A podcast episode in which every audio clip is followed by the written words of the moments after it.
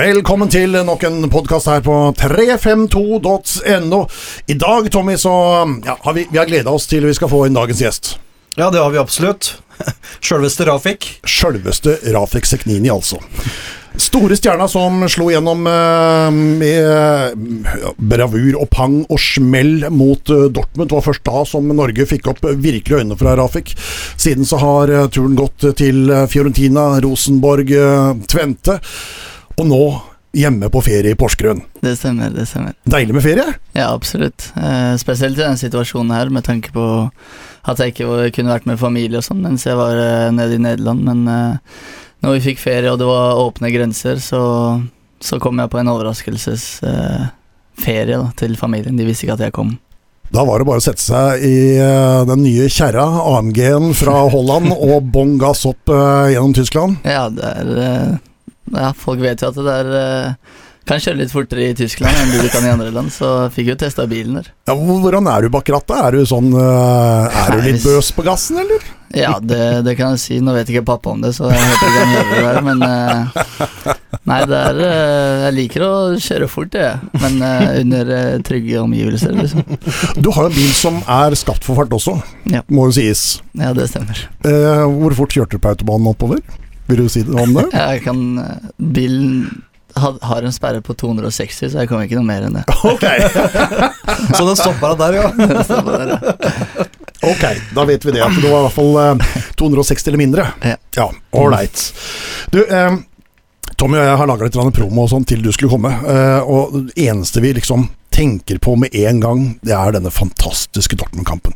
15 sekunder inn i kampen, så får du en uh, ball ut på din kant. uh, gjør kort prosess ned til dørlinja, inn til Jone Samuelsen, og så leder vi 1-0 Mm. på hjemmebane over Dortmund.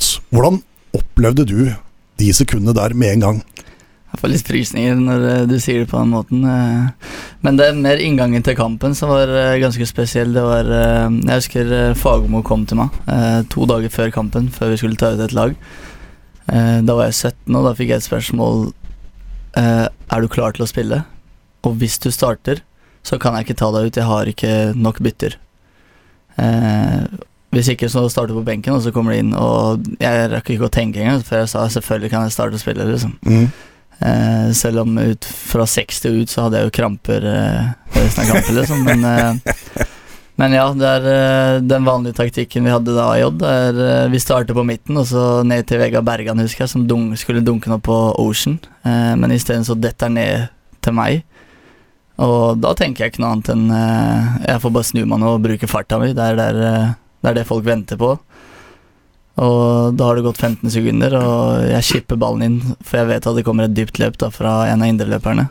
Eh, og der er Jon Samuelsen perfekt. Ikke det beste forsvarsspillet heller, men eh, ja. Det, var, det er helt sykt. Jeg kommer ikke til å glemme det. Liksom. Nei, det var helt sykt. Mm. Eh, og det var altså din eh, kamp nummer ti bare for eh, Odd i, mot Dortmund. Så det var jo relativt ferskt, og 17 år, som du sier. Nei, Jeg visste ikke at det var kamp nummer ti, men eh, da vet jeg det nå. Ja, ja, ja det var kamp nummer ti. Ja. Eh, altså, og, men det var ikke første Europaligaen. Altså, av de ti første kampene så hadde du altså da spilt mot både Sheriff eh, og mot Shamrock, og da mot, mot Dortmund. Så det var en knallstart på karrieren, egentlig, Odd. Ja, det gikk ganske fort, det gjorde det. Eh, fra jeg begynte å trene med A-laget, etter at jeg hadde hatt deg som trener, så gikk det ganske fort eh, derfra. Eh, men det er fordi jeg hadde Jeg er ganske kjent for å ha den selvtilliten jeg har, da. Der jeg går på trening, og så gjør jeg bare det jeg liker. Det er å spille fotball, vise farta mi, vise ferdighetene mine, og så tar vi det derfra, liksom. Så tror jeg jeg klarte å vise meg ganske fort fram, og Fagermo har tro på meg. Det, det er jo der det starta, som du sier. Eh, og så har det gått eh, fort siden da. Og denne elleville euforien på stadion når Espen Ruud smeller inn 3-0 etter drøye drøye 20 minutter. Ja. Altså, altså, Hele stadion kokte, og alle i Grenland prater om det den dag i dag. Altså, hvordan var det å, å kjenne på det trøkket og den stemninga og den gleden? Da hadde ikke jeg kjent på noe i det hele tatt sånn som det, da, da det skjedde. Og jeg husker da vi kom inn til pause, det var eh, 3-1 til oss, så husker jeg at jeg kikka på Nordkveldet. Og han kikka tilbake på meg, men det var helt tomme blikk. Det var liksom Er det seriøst? Er det det, det som skjer utpå der? Det var ingen som skjønte noe, vet du. Eh, men Fløy rundt, rundt oss og kløp hverandre i armen, er dette virkelig? Så det var eh, Ja, det var sånn. eh, Og det var helt sykt, liksom. Det var, når jeg kom ut på banen før kampstart der, så hadde jeg ikke sett en full stadion da, før. Eh, der jeg hadde spilt, så det var jo ganske Jeg fikk gåsehud da jeg gikk ut på banen, det. Mm. Eh, Selv om det var 12 500 bare. Hvordan, hvordan setter du den opplevelsen der sånn opp mot alt det andre du har opplevd i karrieren? Ganske høyt, eh, uten tvil. Eh, så, og det var der det egentlig starta, som du sier. Det var da folk skjønte ok, det her er Rafik Signini. Mm. Selv om jeg hadde spilt noen kamper før, da, men eh, det var først da Da var det media, og da var det Da starta alt, egentlig. Da starta karrieren ordentlig, da, hvis Mm. man kan si det på den måten. Fikk skåring mot Tromsø og Start eh, rett før denne kampen, egentlig, i Eliteserien også, så du relativt god sjøltillit inn i den kampen òg, vel? Ja, jeg hadde, jeg hadde god selvtillit der. Jeg husker jo at eh, den uka før den Dortmund-kampen, så jeg tror ikke jeg har løpt så mye på en trening før. For jeg skulle starte den kampen. Jeg skulle Jeg visste at det var en mulighet, da, med tanke på at jeg var ganske ung, Mm. på å vise meg fram nå mot en stor storklubb. Eh, og liksom sette standarden, og så føler jeg at jeg fikk gjort det. da. Hvordan opplevde du og de, de gærne minuttene der, Tommy? Jo, men det er det som er litt morsomt, da, for vi snakka om det her forleden, og eh, når vi, Hvis vi kommer tilbake til den scoringa, første skåringa, hvor, eh, hvor eh, Rafik er så, ja, så delaktig, så, så sitter jo jeg på en benk og sitter liksom på høyde med 16-meteren og ser han gli nedover, og løpet kommer, så du får liksom alt i bildet. Og, og, og som vi snakka om, og som jeg sa til deg, så bak meg så satt jo foreldrene til Rafik med, med fler. Så det, det blei bare sånn, en sånn rar reaksjon på at uh, en bare liksom reiste seg, og så snudde jeg meg, og så bare hei, Vi bare klemte hverandre alle sammen. Jeg klemte foreldrene til Rafik, og så var det bare moro. Så det, det er rart med det. Jeg har jo fått, uh, fått lov til å trene mange, mange spennende spillere. Mange spennende unge spillere. Rafik er enig av dem, og så får du truffet foreldrene, eh, og, så, og så skjer det her, liksom, så blir det Det blir en sånn Ja, man får en connection, og, og, og det er spennende å følge Rafik videre med, med flere også. Eh, men det er jo ikke tvil om at eh, det kommer ikke mange av den type talenter som har, så, har et så rått talent, og som vi var litt inne på, når du når du møter et lag som Dortmund, som er et av de beste i, i verden, Mhm. ikke sant? Ja. Eh, og du leverer eh, et rått løp eh, på så høyt nivå eh, mot så, så dyktige spillere. Ja, Så var det ikke da- bare det første løpet på 15 sekunder. Du herja ja, hele ja, første du gjorde det videre også, men det viser bare at eh, toppnivået var der. Ikke sant? Du, du, man kan jo se det etterpå at eh, han har jo et vanvittig toppnivå. Og dette her er jo ikke bare vi som så, det her er jo mange speidere som så. Og dermed så la jo Rafik til rette for eh, en større interesse på veien videre, så, så Og det skjedde jo, det. Han, eh, det var ikke lenge vi fikk eh, beholde Nei da, eh, det er for så vidt sant. Eh, det det blei jo en del kamper allikevel ut av det, Rafik. Eh, eh, 60 totalt for, for Odd, med, med ni mål. 60, så 60, ja. Ja. Det er 33 i eh, ja, vil si 46 i eh, toppdivisjonen, Tippeligaen slash Eliteserien. Ja. Fem NM-kamper og ni Europaligakamper. Ja. 60 totalt, så ble det. Yes. Ja. Eh, Men det gikk jo allikevel ganske, ganske raskt uh, fra denne Dortmund-kampen. Ja, vi, vi skal ikke lage, slippe den helt enda, for det er jo en udødelig kommentar i, i, eh, i, i spillertunnelen, altså i, i, i mix-zone uh, etter kampen fra Mats Hummels. Ja. Har, du har hørt den? Har, Ja, jeg har vel lagra den videoen. Uh, jeg, jeg husker ikke om det var T eller Varden som la den ut, men Ja.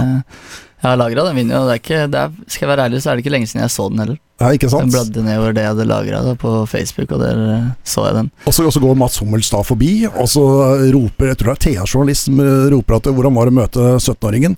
Og så snur han seg bare What the fuck? 17? For real? det er ganske kult. Ja, ja, det var kult, selvfølgelig. Eh, og den perioden der så hadde ikke Altså, jeg visste hvem alle de spillerne her var. Men uh, å få en sånn kommentar fra en, en, en verdensmester, liksom, det, var, altså, ja. det var kult. Og vi snakka litt etter kampen og på banen der. Uh, og da har han jo allerede sagt uh, god kamp og sånn, og det var selvfølgelig Det er noe jeg tar med meg videre og har tatt med meg siden den dagen. Altså det er ikke hverdag Jeg tror ikke Mads Emil sier hver dag til, en, eh, til et talent at du var god, liksom. Så, så det, det er noe jeg tar med, absolutt. ja. Du, eh, så tar du egentlig bare altså da to år eh, fra denne eh, kampen her sånn til, til du er klar for Fiorentina. Mm. Altså, dette går fort, Ja. og, og du, er en, du er en ung mann nå, men da var du veldig ung mann når du gikk dit i, i 17. Ja. Hvordan opplevdes hele det sirkuset rundt Fiorentina og Odd og den biten der? Ja. Eh, det var, eh, som jeg sa i stad, det var da det starta, liksom, eh, etter den Dortmund-kampen. Og jeg husker dagen etter Dortmund-kampen så gikk jeg topptur med klassen min på toppidrett.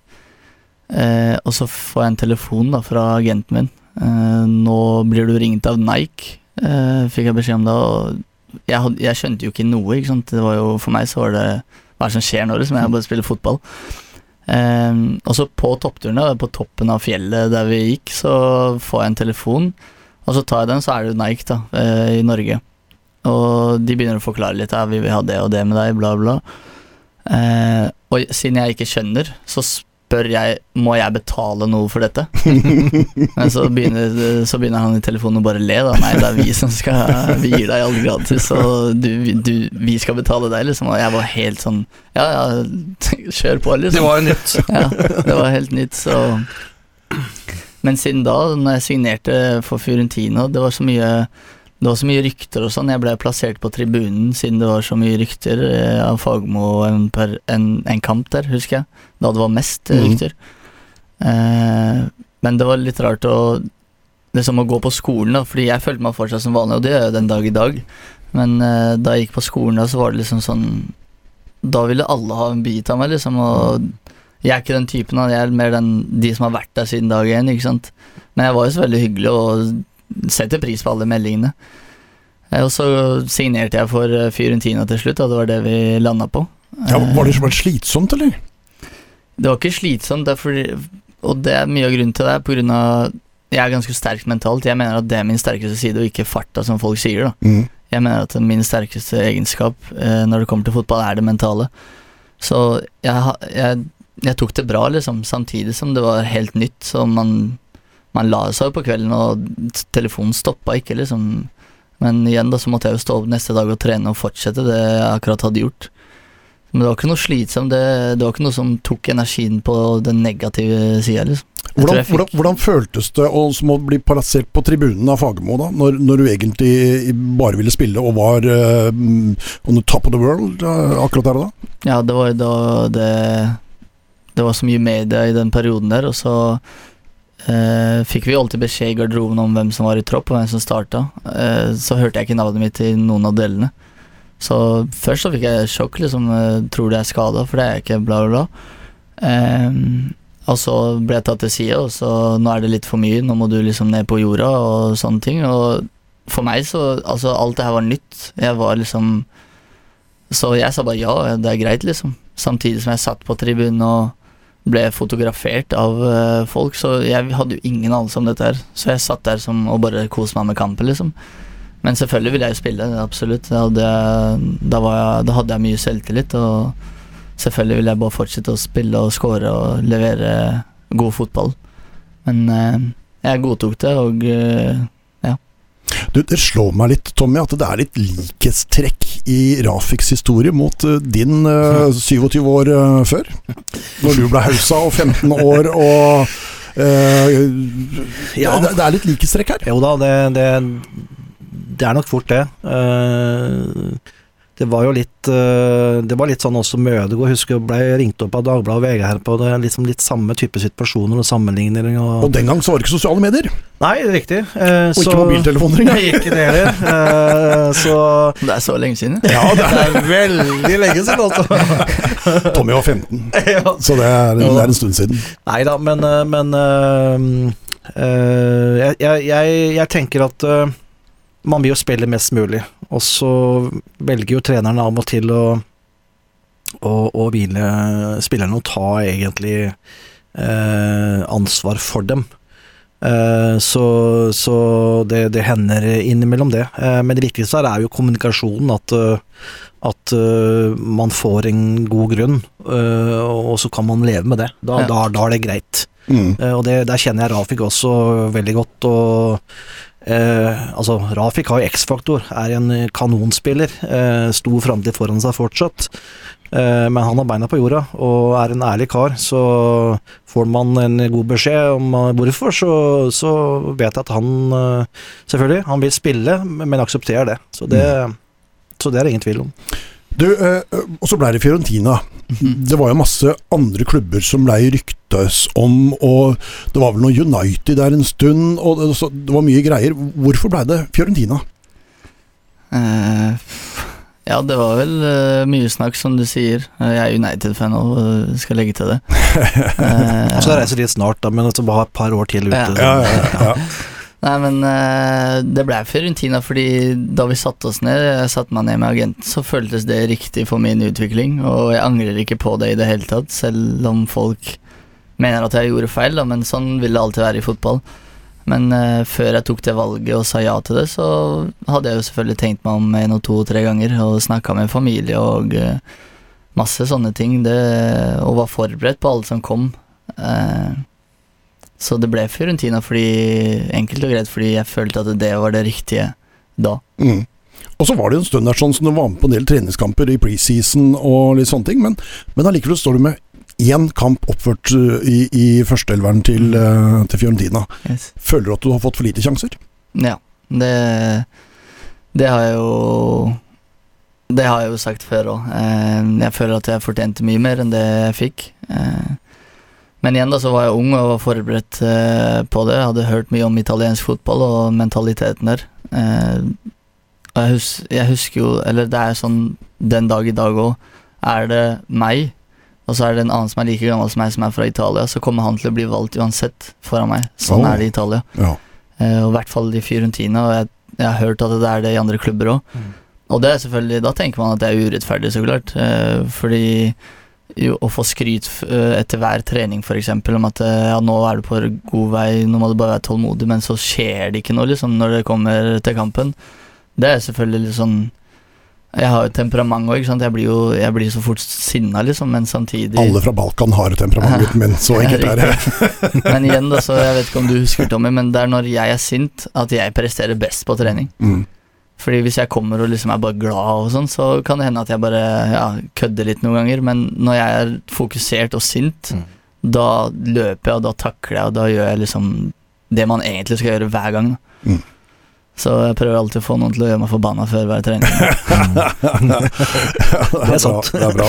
Du, eh, Italia, da. Eh, hvordan var det å flytte til Italia som eh, 18-19-åring og bo der nede alene? Jeg husker eh, det var rart på, på fly der med pappa og eh, agenten min. Eh, Det var rart. Jeg satt der og på fly, så husker jeg at jeg kikka ut av vinduet og tenkte sånn Nå starter livet, egentlig. Mm. Eh, og så hadde vi en dag på hotell der og ble vist litt rundt av agenten og bla, bla, og så Neste dag så var det medisinsk test og signering av kontrakt, og jeg, jeg tror ikke jeg skjønte liksom hvor jeg var, selv om jeg egentlig skjønte det samtidig. Mm. For det var, det var så mye greier, medisinsk test og kamera som følger etter deg og skal ha kommentarer og sånn hele tida. Så det var ganske Det var jo en endring, så klart, det var det, men eh, som folk vet, eh, så har jeg alltid med meg pappa uansett, og den, det har jeg den dag i dag òg. Mm. Eh, drar jeg til et nytt sted, drar jeg til et annet sted nå i sommer, så blir pappa med uansett. Mm. Og det er mer kulturen vår, da, mer hvordan vi har blitt oppdratt, og for meg så er det sånn Det er en selvfølge at han blir med, liksom, og det er det for han òg. Mm. Så det gikk, det gikk fint. Med, med, og som jeg sa i stad, jeg var jo forberedt på ganske mye ting, men samtidig så skjønner du ikke tingen før du er der. Ja, hvordan var det å være der, da? Når, når pappa reiste hjem og du satt igjen alene? Ja, da hadde jeg allerede fått kompiser. Jeg er ganske lett å bli kompis med, skjønner du. Så, Mm. så da hadde jeg fått litt eh, De nye spillerne som hadde kommet inn, han ene var like gammel som meg, så jeg hadde fått kompiser allerede. Men samtidig og så snakker de jo ikke engelsk der nede. Nei. Så jeg måtte jo finne de gutta som kunne litt engelsk, Mm. som var litt fra andre steder enn Italia. Mm. Men jeg husker første treninga mi på preseason, så mm, det kommer jeg aldri til å glemme. Jeg får ballen på kanten. Det er mitt første touch i Fiorentina-karrieren, og så ble jeg brent ned av eh, kanten uh, som jeg skal konkurrere mot. da Welcome Og to jeg jo, ja, det var sånn velkomst uh, Velkommen her, liksom. Her, her, sånn er det her. Ja. Jeg husker jeg at uh, Ja, da lå jeg nede, men han kom ikke bort og sa sorry heller. Og da, da skjønte jeg ok, jeg var forberedt på det, men ikke på den måten her. Men ok, let's go, liksom. Mm. Fordi jeg kan også være en drittsekk på banen, det kan jeg. Eh, mat og sånt nå, spiser man ute, eller lager du mat hjemme når du er i Italia, eller hvordan eh, skjer Ja. sånne ting? Grunnen til at pappa blir med de alle gangene jeg flytter ut, er pga. leilighet og sånn. Jeg har bare leid hele tida, så å finne leilighet, finne seg til rette, kjøpe de nødvendige tingene i starten og sånn. Eh, og så når han reiser, da, så var det jo Da hadde jeg fått litt kompiser, så vi dro til Sovo byen. Og da, i starten så var det litt mange middager eh, ute, ja. Det, det var det, men etter hvert så Du orker ikke å dra til byen etter hver trening. Så det ble jo matlaging og sånn, selv om jeg ikke er den verdens beste der. Okay. Så har jeg lært med åra. det har det. Ja. Ja, så bra. Hva er du flinkest til å lage? Nei, jeg kan lage en bra pasta, faktisk. Kan du det? Så bra, da. Og, Ja, pasta med Kylling og Bare pasta. brokkoli. bare Kylling, brokkoli og de nødvendige tinga. Ja, Mm. så flink. Mm. Men, men eh, bare litt tilbake til dette med Uh, Når du, denne treninga hvor du ble brent ned, Ja. så, så har du jo sjøl sagt at du er sterk mentalt. Hvordan, uh, både sånn, hvordan, hvordan føler du mentaliteten i Norge, Odd, kontra da Fiorentina ute i verden? Eh, kjenne på den taklingen med en gang, og det er liksom en beskjed om at eh, Mm. du bør ikke komme her og komme her og være ung og skal ta noen plass, eller hva det måtte være. Så, så er det litt sånn der ute. Hva, hva tålte mentalitet tår, Tålte liksom hodet til Rafik dette her? ja, og grunnen til det er vel hvordan jeg har vokst opp. Jeg har vokst opp med det temperamentet jeg har. da Om at Jeg har alltid vært tøff i hodet. Selv om jeg har vært liten, så har jeg alltid turt å si ifra. Så det var jo Det var ikke sånn at jeg ikke sa noe til den spilleren som takla meg ned. Det var sånn Hva er det du driver med, liksom? Men samtidig så skjønte jeg det her Det er her vi er nå, og det er sånn det er her. For det var ikke første gang det skjedde, liksom. Det har skjedd mange ganger. Men jeg, jeg, jeg tålte det, og det er mye av grunnen til hvordan jeg vokste opp i Herøya, for Mm. før jeg kom til Odd. Det var liksom Jeg, jeg har det som folk skal ha der ute, da, Mm. eh, det, i det mentale. Mm. Så jeg føler at jeg takla det ganske fint, ja. Ja. Og ja. gjør det fortsatt. Du, så du, du tok ikke den og så brente ned en spiller, spilleren senere på den økta? Nei, jeg tok den ikke, ikke den treninga, men det eh, kommer flere treninger. Men en annen, Ja. ja bra. Nei, men jeg føler at man, det er viktig å liksom Spesielt da, for meg så var det Det jeg hadde i hodet hele tida, var sånn Ok, nå kommer du til det stedet, det er nytt, men du skal ikke være en pingle. Mm. Og det tror jeg er den største forskjellen på hvordan jeg tenkte da. Og hvis en vanlig hva skal jeg si, nordmann da hadde Mm. reist ut til, et sånn, til en sånn klubb, så hadde man fått litt sjokk. Mens jeg var mer forberedt på det. Mm. Det kommer til å komme. Mm. Du kommer til å bli skada, liksom. Ja.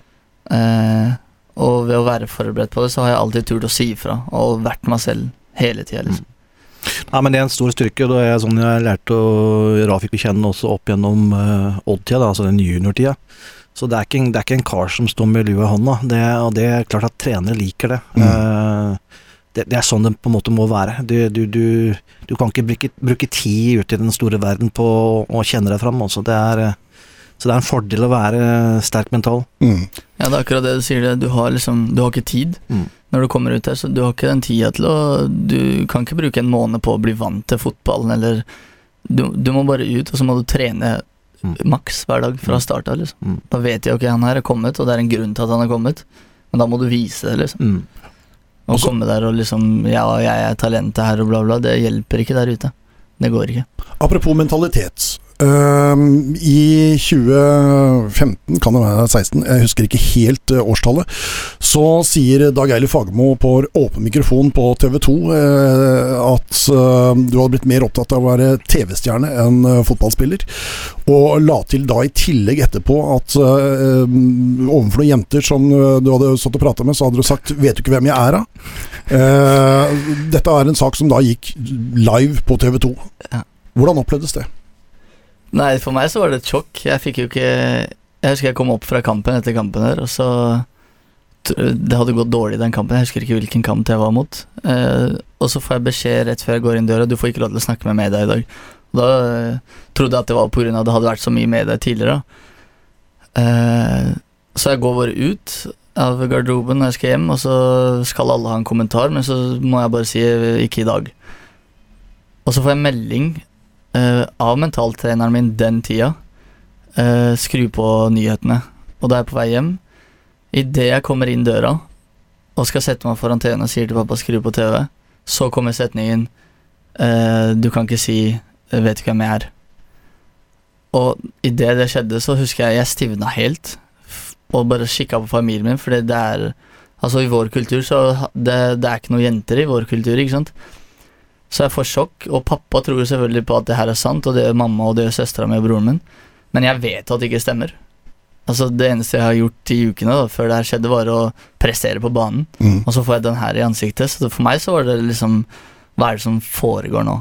Eh, tenkte jeg.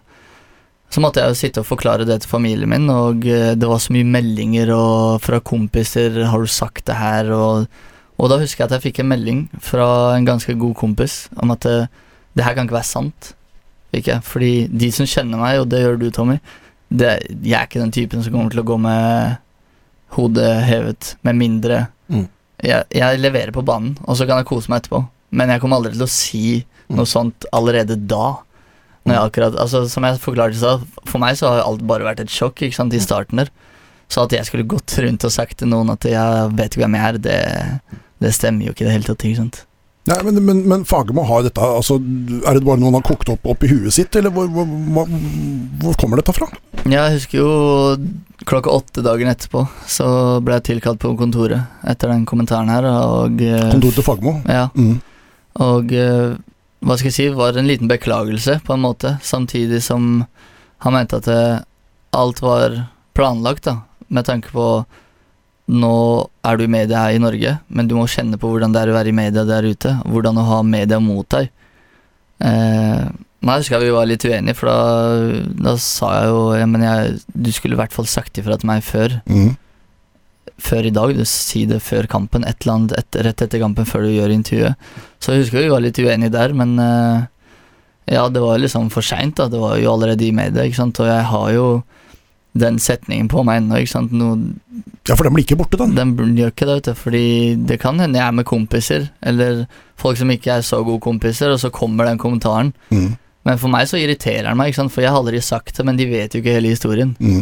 Men nå, nå forteller jeg jo hele historien. Ikke? Det, det var på en måte planlagt da, for at jeg skulle ha media mot dem. Da. Samtidig som at jeg ødela ryktet litt den tida. da Om at jeg hadde Altså Folk tenker jo at jeg var cocky, da. Mm. Men uh, folk som kjenner meg, som jeg sa, det var, det var sjokk for de liksom. Fordi det her kan ikke stemme. Det her er ikke deg, liksom. Hvordan, hvordan føles det nå i etterkant da? Altså, er det litt bitterhet, eller er det, er det, har du glemt det egentlig? Eller er det noe Nei, som du tenker på fremdeles? Eller? Jeg har glemt det helt, eh, fram til en, en kommer med den setningen og sier det Selv om det er på kødd, liksom, så Jeg liker det ikke, fordi man vet ikke hele historien. Ikke? De kødder med det, men det kan jo hende at de tror at jeg faktisk har sagt det, noe jeg aldri har gjort. Mm. Eh, så ja, det er jo Men, men øh, øhm, Men jeg må presisere, Ja, det, er men- ikke noe, det er ikke noe bitterhet mellom meg og Fagermo. Det er det ikke. Det er, det er glemt, liksom. Vi hadde jo han i flere kamper etter det, så vi Mm. glemte jo det ganske kjapt. mm. Eh, Det største jeg følte på, var vel da familien trodde på det. Ikke sant? Så måtte jeg forklare det, da. Mm. Og jeg kunne jo ikke forklare det før dagen etterpå, Mm. Fordi det var da jeg hadde vært på møte. Ikke sant? Mm. Så samme kvelden som det skjedde, så var det jo litt sånn dårlig stemning inne i huset, selvfølgelig. Mm. Men uh, vi, når jeg Altså, jeg, jeg tenker sånn så at uh, Jeg skal ikke snakke for mye om det, da, men måten jeg kjenner deg på, da, så tenker jeg det at uh, og, og kulturen du er Du har i, i, i ryggen, så, så tenker jeg det at det er jo ikke noe kult, og det må jo være litt sånn Man kjenner kanskje litt på den her integriteten, blir litt angrepet, og liksom rett skal være rett. Mm. Eh, var, var det veldig vondt, og var du, var du forbanna for, for noe som da selvfølgelig ikke er sant? Ja, det er absolutt. Jeg husker For det går jo på deg som person til slutt. Altså, ja, det, det, er, det er noe du får på deg som du Ja, for jeg visste jo at den setningen der, den kommer ikke til å gå bort, og det har den ikke gjort den dagen her i dag heller, ikke sant. Det er noe som alle har fått med seg, alle, altså i Norge i hvert fall. Mm. Og den går ikke bort. Så jeg var Jeg husker den natta jeg skulle legge meg der, så kokte det for meg, det gjorde det. Og da har jeg det temperamentet fra før av. I tillegg til det her, så Det var ikke en god natts søvn, liksom. Det var det ikke. Det, jeg var forbanna, for jeg visste jo Mm. det stemmer ikke. Men samtidig, du har folk som Ok, det stemmer ikke, så jeg, jeg bryr meg ikke. Mm. Men sånn er ikke jeg. Jeg blir forbanna. Liksom. Jeg skal, rett skal være rett, som du sier. Mm. Er det ikke sant, så er det ikke sant. Mm. Enkelt og greit.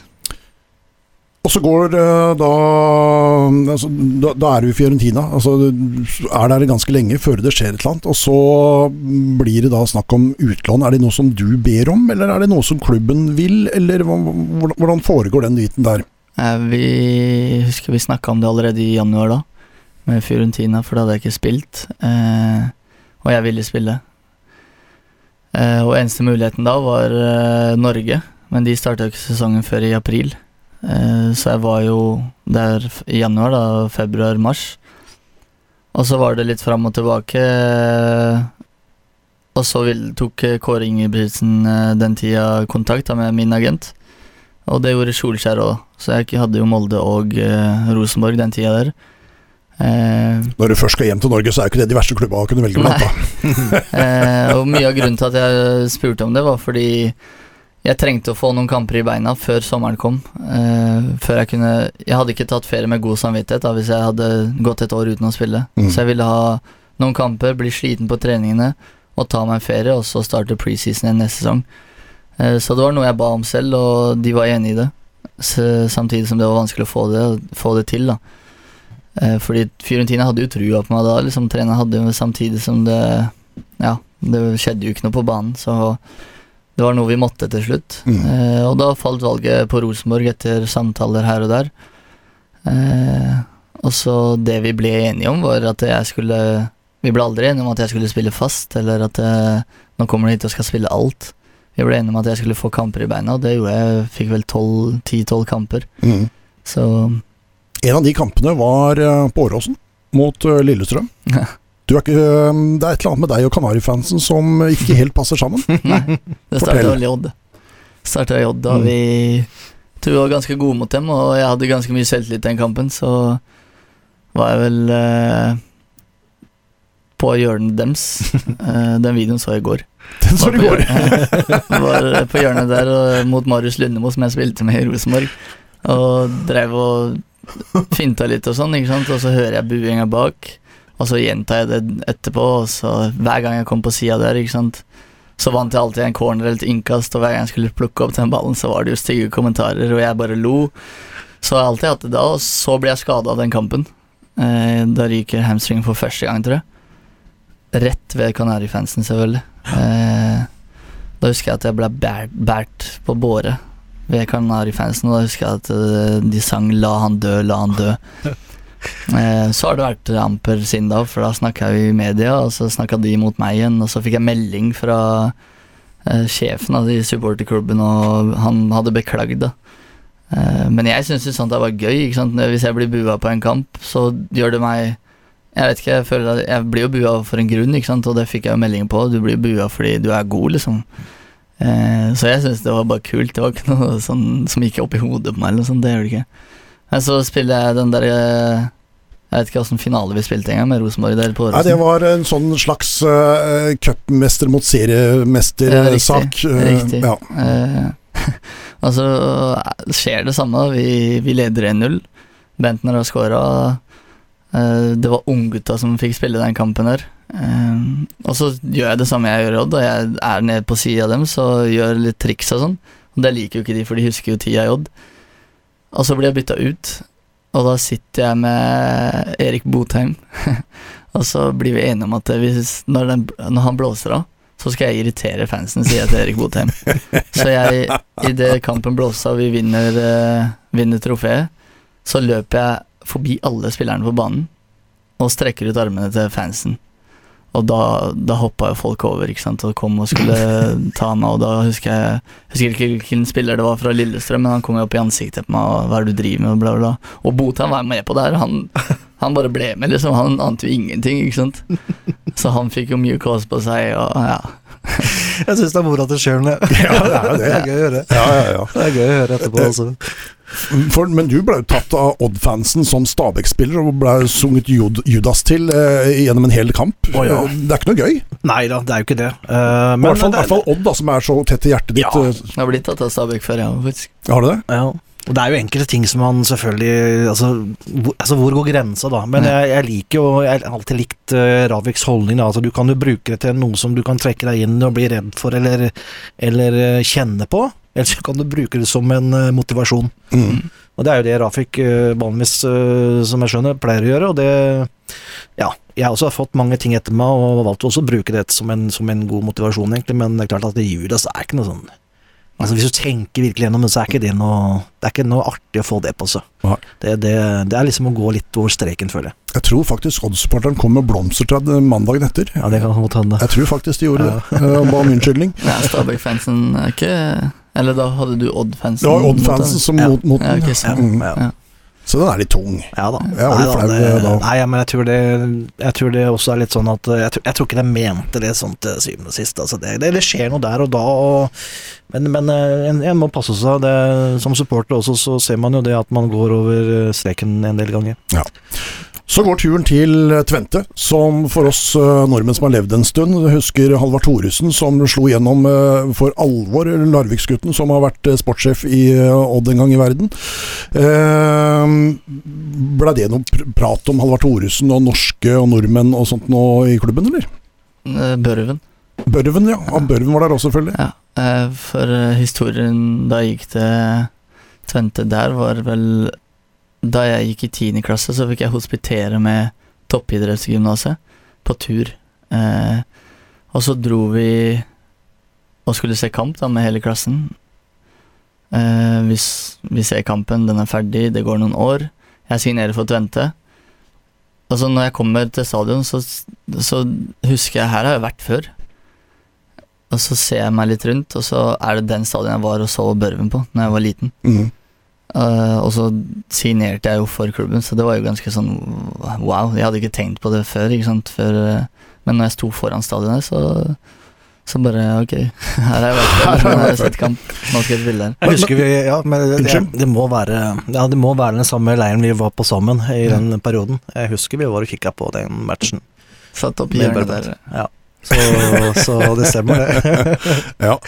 Eh, det var i Erste eh, Divisie, som det heter i eh, Holland, altså den nest øverste divisjonen. Hvordan, Mm. eh, hvordan var det nivået?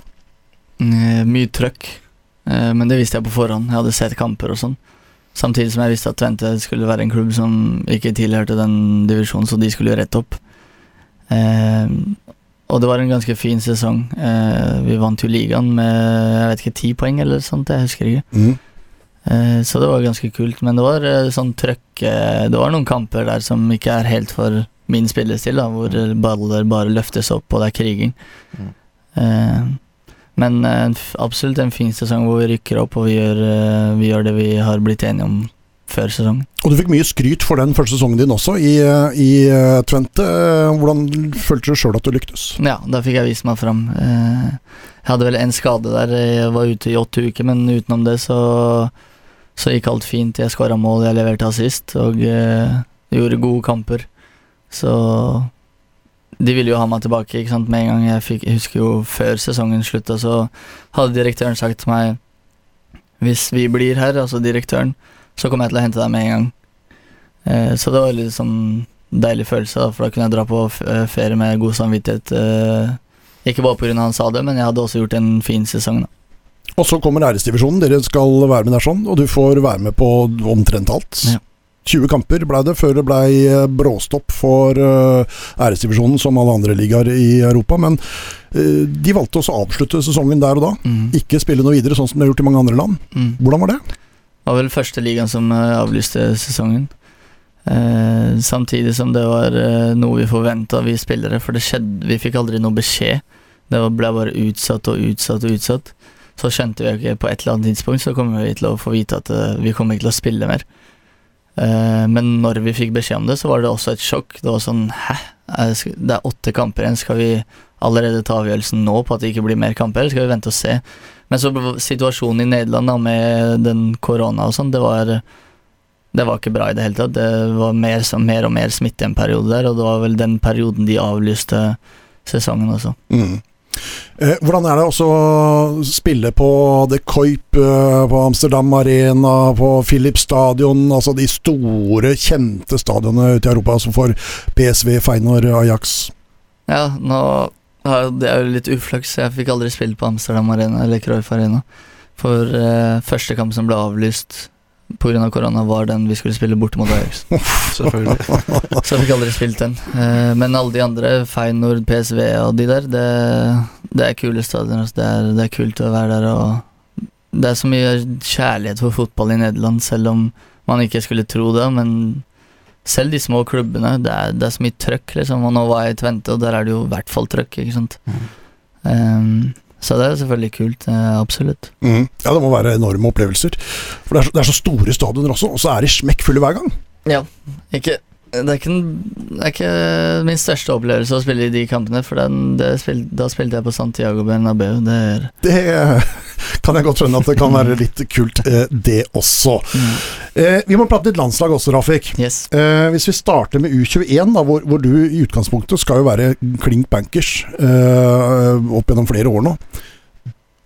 Boikott, stopp, eh, vil ikke spille under Smerud. Du blant annet, sammen med mange andre. Hva skjer for noe der? Fortell historien. Hva, hva, hva er grunnen? Mm, lang periode med problemer, hvis jeg kan si det. Eh, hvor jeg starter Jeg, jeg får debutere på U21-landslaget når jeg er eh, 19, tror jeg, eller noe sånt. Nei, 18-19.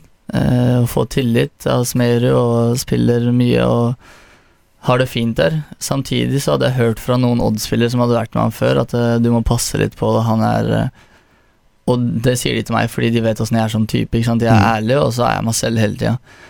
Um, og så går det flere samlinger, og så begynner jeg å kjenne på det folk har sagt, da, at uh, jeg får ikke vært han, vil, han liker ikke den personen jeg er, da, hvis jeg kan si det. Ja, Det er personen liksom- eller spilleren? Nei, personen. Personen. Spilleren har han ikke noe å si på. Fordi det, da kan man spørre alle spillerne jeg har trent med. Altså, jeg har levert på hver trening, liksom. Mm. Så det er mange ganger det har kommet kamp, laget tas ut, jeg spiller ikke, og så kommer det folk og 'Hvorfor spiller ikke du? Hvorfor spiller han i stedet?'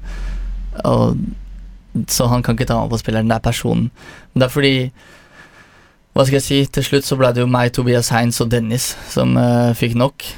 Og hele episoden er vel eh, Vi var på landslagssamling i Hviterussland. Vi flyr tilbake og skal til Drammen. Uh, meg, Dennis og Tobias er en gjeng. Vi er bestekompiser.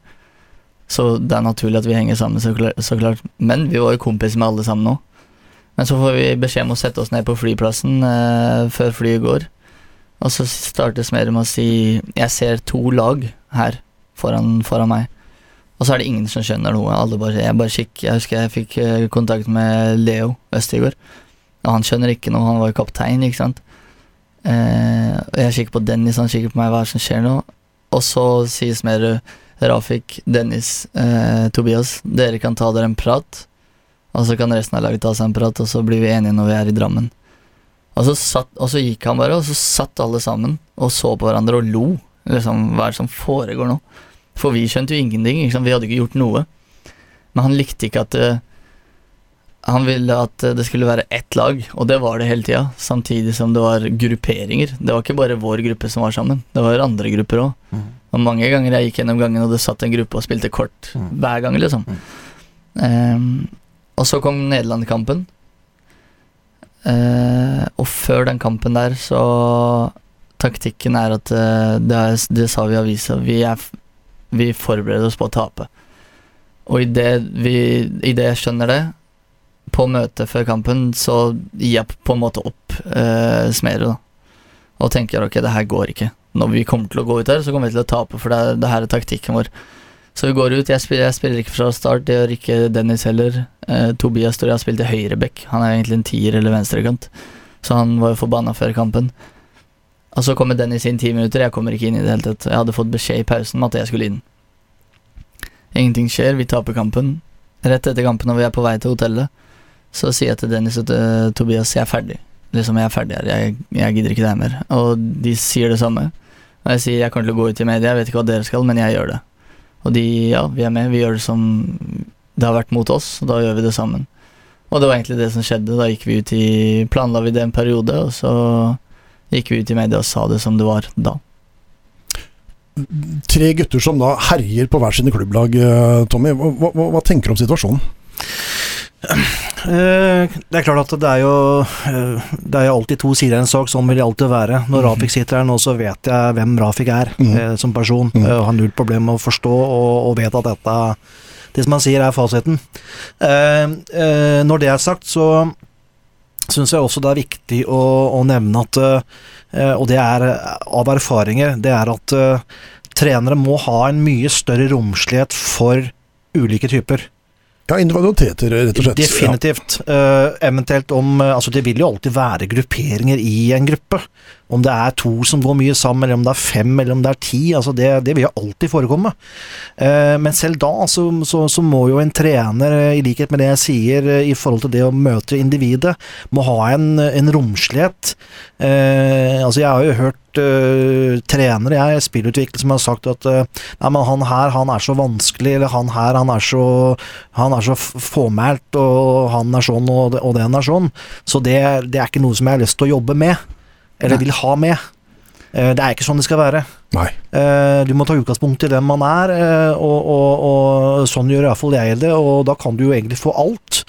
Så lenge du får en god kjemi og, og forstår retninga sammen, så dette her er jo snodig måte å gjøre på, å være på en flyplass og si at mm. nå setter dere tre dere der, og så resten der. Så det, det er to lag. Finn ut av dette her. Ja, vi fikk vel en dag Dagen før Nederland-kampen så fikk vi WhatsApp-melding fra Smerud. Eh, lag to kan sette seg på ett rom, og, lag, og resten av laget kan sette seg på, i auditoriet, og så kan dere bli enige om når dere skal ta møte. Det er hårreisende. Det er, det er slett hårreisende å høre på. lag to, så vi driver jo ikke sant? Vi snakker jo sammen hver dag, og vi driver jo kødd Vi, vi heter jo på gruppe I gruppa vår så heter vi Lag to, ikke sant? Vi har kalt oss Lag to. Så Nei, men altså For, for oss som har vært med å bygge lag i mange år, Tommy, så det er ikke sånn jeg ville gjort det. det, det, det er Men det er altså som du sier da, Tommy, det er eh, sånn Du har liksom Har du han spilleren, så har du han. Da må du liksom justere deg til han. Mm. Men jeg tror ikke Smerud likte at jeg var den typen, og Dennis og Tobias, vi var folk som turte å si ifra. Mm. For vi har vært der ute, vi vet åssen det er. Mm. Eh, og han likte ikke at jeg eksempel satt vi og hadde et møte om hvorfor eh, jeg ikke får spille mer. Og så sier han en ting til meg, men så forventer han at jeg jeg bare skal si ok.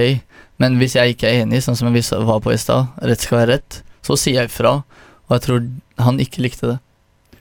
Og det syns jeg er veldig spesielt som trener, selvfølgelig. Jeg er mer for den Nå er jeg ganske ung, da, nå nå har jo dere mer erfaring, men jeg er mer for den derre Rett skal være rett. eh, forskjellige meninger er lov, og så må du bare ta det derfra, egentlig.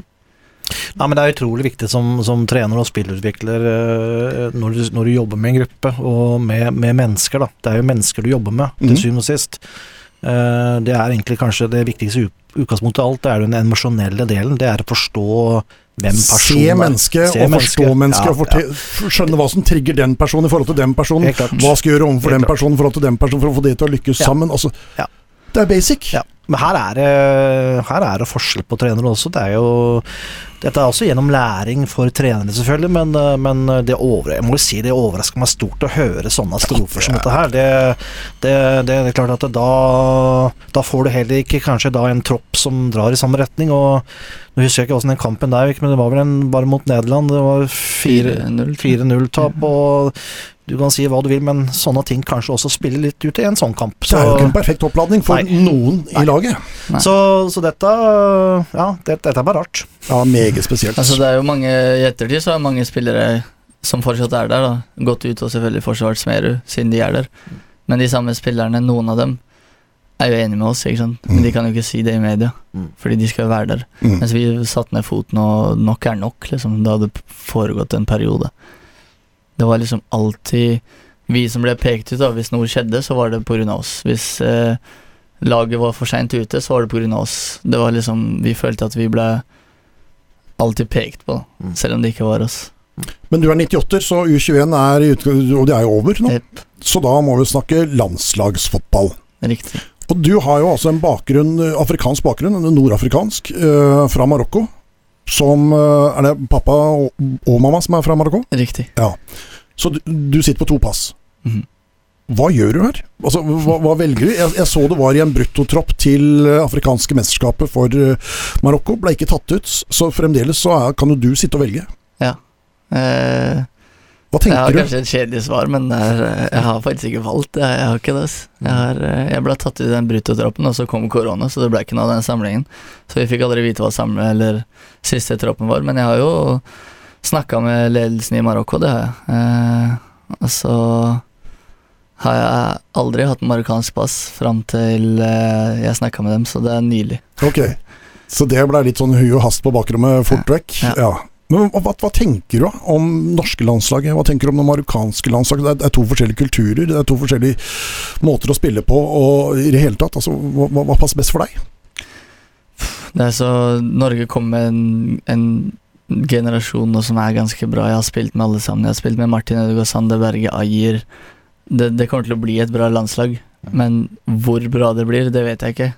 Eh, fordi igjen, det er Norge, ikke sant. Vi har jo ikke Jeg sier vi, det er, det er fordi jeg, jeg føler meg norsk, samtidig som jeg ikke føler meg norsk. Fordi når jeg er hjemme, så er det Da er det bare arabisk prater, for eksempel. Da er jeg bare marokkaner. Og så er jeg ute av huset, så er, det, så er jeg bare nordmann, holdt jeg på å si. Ikke sant? Mhm. uh, men hva skal jeg si? Det er jo det er bra Det kommer en bra generasjon i, hos Marokko nå. Og jeg snakka med Asaidi, tidligere Liverpool-spiller. Han spilte jo med meg den første sesongen i Tvente. Og han valgte jo Marokko. Eller han hadde jo vært i Marokko, men uh, han har jo selvfølgelig sagt litt negative ting, og så har han sagt masse positivt. Og så snakka jeg med Ziek etter Ajax-kampen, og han kunne jo valgt Nederland, men han valgte Marokko, så det er liksom Det er alltid noe negativt og noe positivt, og det kommer det til å være om begge landene. Så det til syvende og sist så er det jeg har sagt, da, er at eh, Førstemann til mølla, har jeg sagt. Ja. For det er liksom Det, det er to Så at du slipper å Like- velge, men da, da velger noen foran? Ja, det er to like landslag samtidig som det er veldig ulike landslag. Liksom jeg, jeg tror det hadde blitt eh, 0-0 hvis de hadde møttes. Mm. Og det er jo at jeg, jeg tenker sånn så at eh, landslagsfotball da er jo marginelt eh, opp til et visst nivå. Så, så jeg tenker at det det handler om for Rafik her, det er jo bare at den her koronaen flyr, flyr bort her, og så får man komme i gang med spillet. Ja. Og så, og så bare jobbe seg opp og, og, og bli landslagsspiller. Om det blir på Marokko eller Norge, det Jeg tenker at eh, det ja, så lenge Rafik får oppleve det, så syns jeg det er utrolig gøy. Men jeg, jeg ser jo selvfølgelig gjerne at han er på det norske landslaget. Mm. Sist gang Norge og Marokko møttes, ble det 2-2, faktisk. Mhm. Ja, så, VM så, 1998. så det er mer å oppleve det, og, og det er små forskjell på laga, som sagt, opp til de 10-15 beste. Mm. Uh, ja, så det jeg er jeg enig i. Det kunne fort blitt en sånn 0-0-kamp eller 1-1-kamp, ganske Ja, lik. eh, Ja. Husker du kamp fra 98? VM?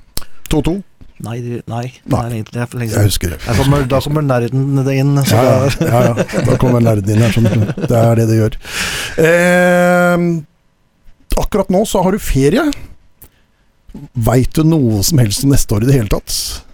Nei, Nei. og det er ikke kødd heller. Eh, nå har Tvente fått ny direktør, ny trener. Eh, så de skal evaluere hele sesongen, fjorårets sesong og finne ut hva de vil. Jeg har igjen to år til i Italia, eh, for jeg skrev en femårskontrakt da jeg dro. Eh, samtidig som jeg vet at nå er jeg 22, og jeg, jeg må spille. Du må jo begynne å spille fotball nå. Jeg må spille. Ja. Jeg må spille, og jeg må spille fast.